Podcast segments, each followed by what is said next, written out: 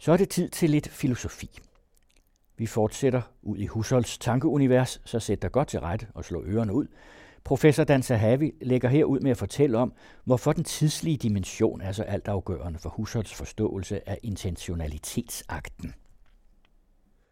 For at bruge en, øh, en distinktion, som han ikke selv opererer med, men som øh, andre øh, forskere øh, sidenhen har introduceret, så kan man skelne mellem det, man kan kalde en form for overfladefenomenologi, og det, man kalder en dybde fænomenologi. Og det, som Husserl egentlig går i gang med, når han begynder at undersøge tidsbevidstheden, ja, det er netop en sådan undersøgelse af dybet, af, af en, en dimension ved vores bevidsthed, som er mere fundamental og også vanskeligere tilgængelig i netop den her distinktion imellem perception og fantasi.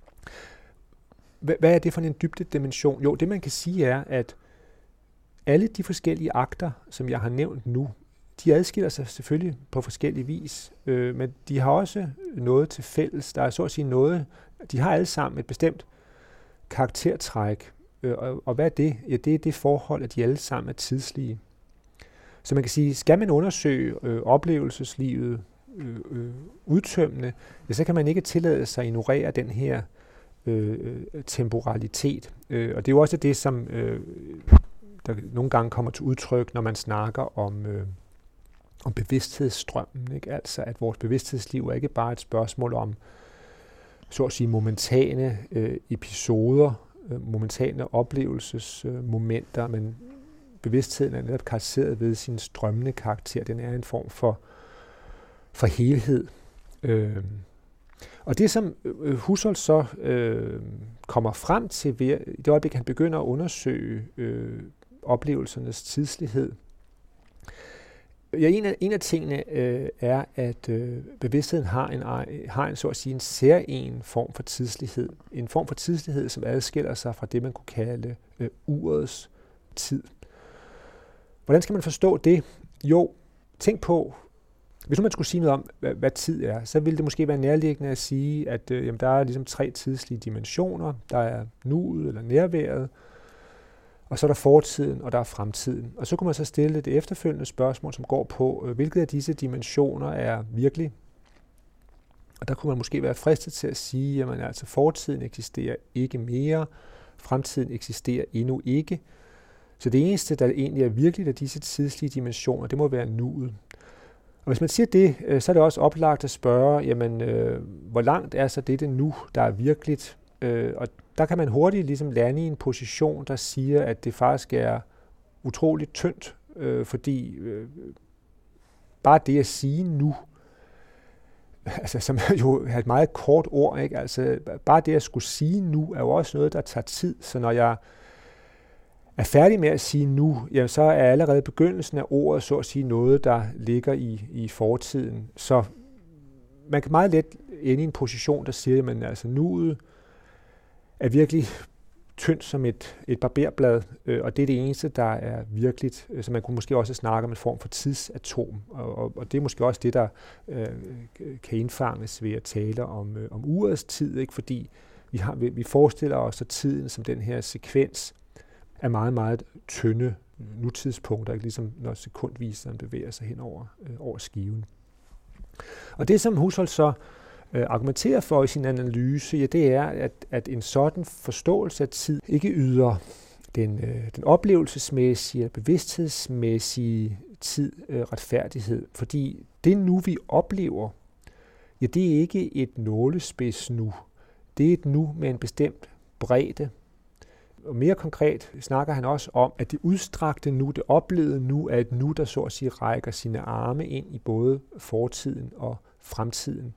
Så i virkeligheden er det, som, som en af de ting, som Husserl vil argumentere for, jamen det er altså, at enhver oplevelse, ja, det har en, en øh, artikuleret temporal struktur, der involverer både et nu, men også en horisont af det fortidige øh, og det fremtidige.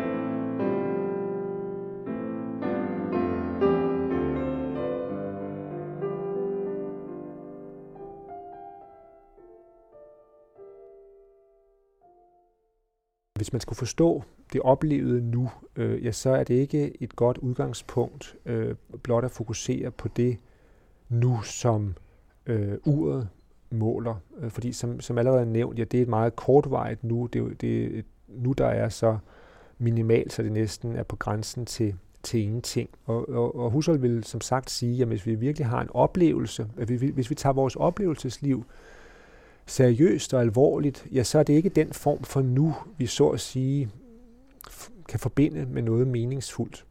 Hvad er det for et nu, vi, øh, vi derimod så at sige støder på i vores, i vores erfaring?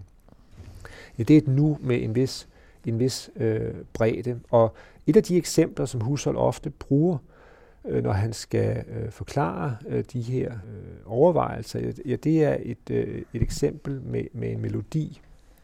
Og det, der selvfølgelig gør en melodi øh, særlig interessant i den her sammenhæng, det er, at en melodi er øh, et, øh, så at sige, paradigmatisk, tidsligt objekt. Hvad skal der forstås ved det? Jo, der skal forstås ved det ved det, at en, en melodi netop ikke eksisterer på et givet tidspunkt. Hvis man skal forstå en melodi som en melodi, så bliver man nødt til at tage melodiens tidslige udstrækning øh, seriøst. Til, til forskel herfra kan man jo sige, at et bord har en, en masse sider. De sider eksisterer jo alle sammen på et givet tidspunkt. Det kan godt være, at vores udforskning af bordet nødvendigvis tager tid, men bordets aspekter eller øh, sider er jo aspekter eller sider, som bordet har igen på et hvilket som helst givet tidspunkt. Sådan er det ikke med en melodi. Hvis det var sådan, at, alle melodiens toner, så at sige, var givet i et nu, så ville det jo ikke være noget melodi, så ville det være øh, kardovelsk.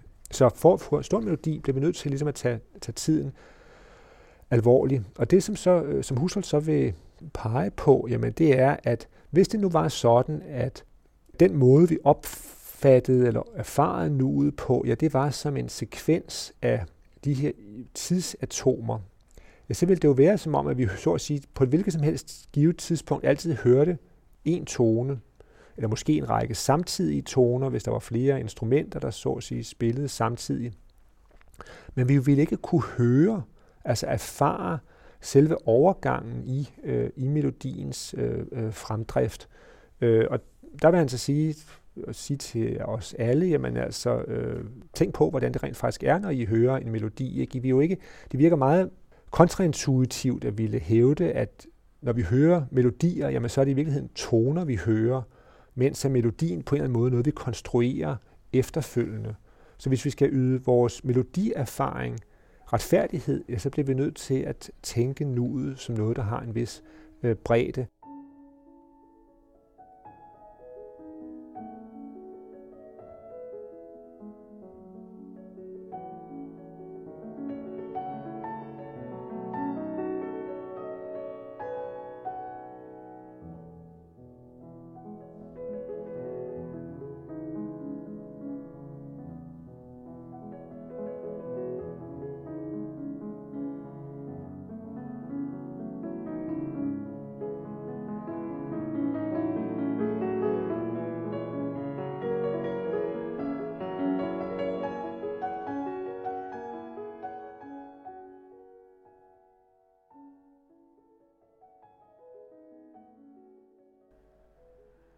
Når jeg siger jeg, så griber jeg mig i en simpel refleksion.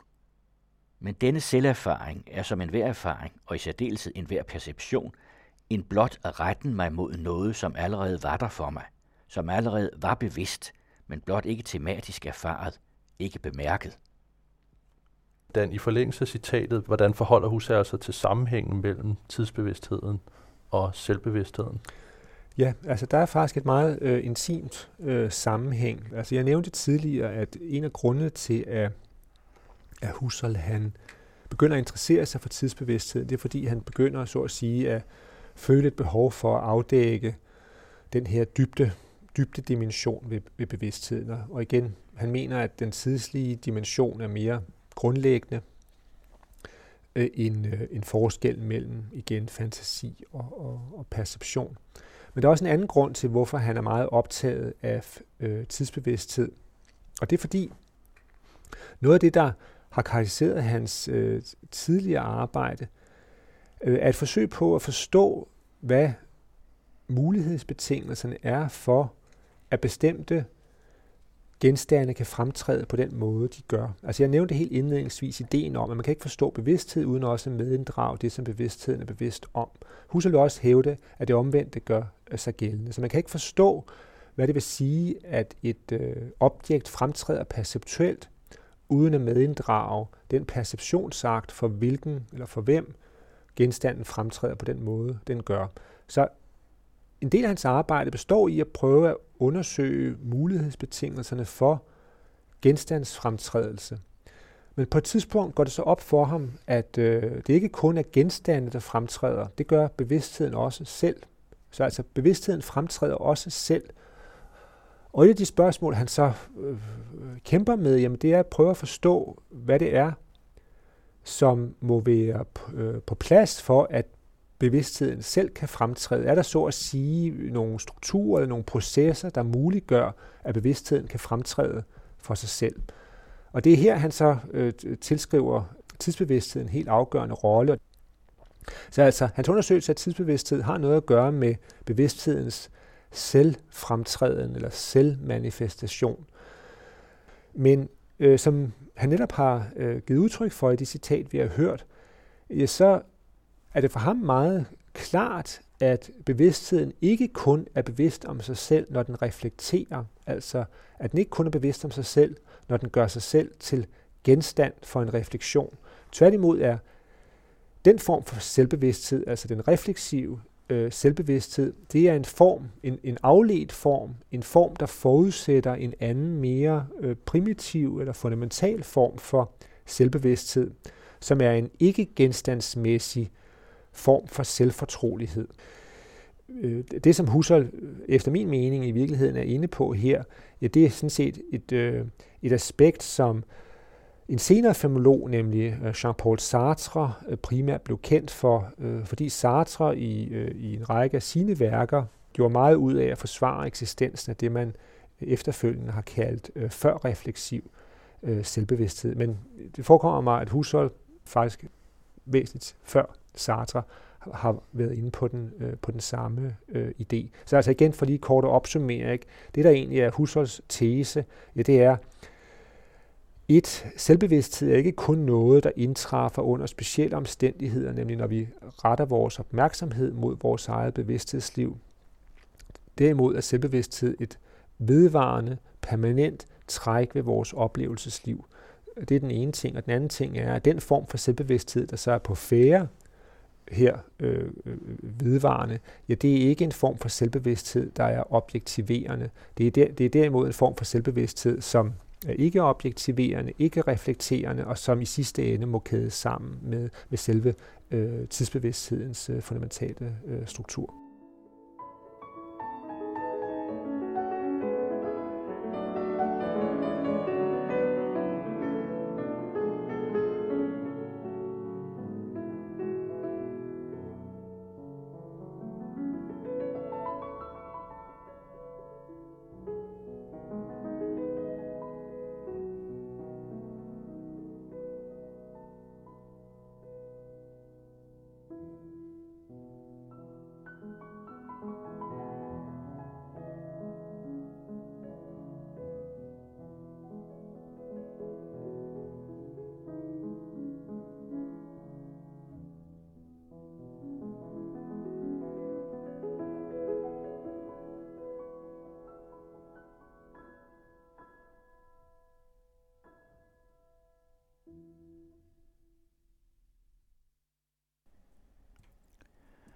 Programmet blev tilrettelagt for den anden radio af Thor Eiken Mulvad og Lasse Nyeng Hemmike.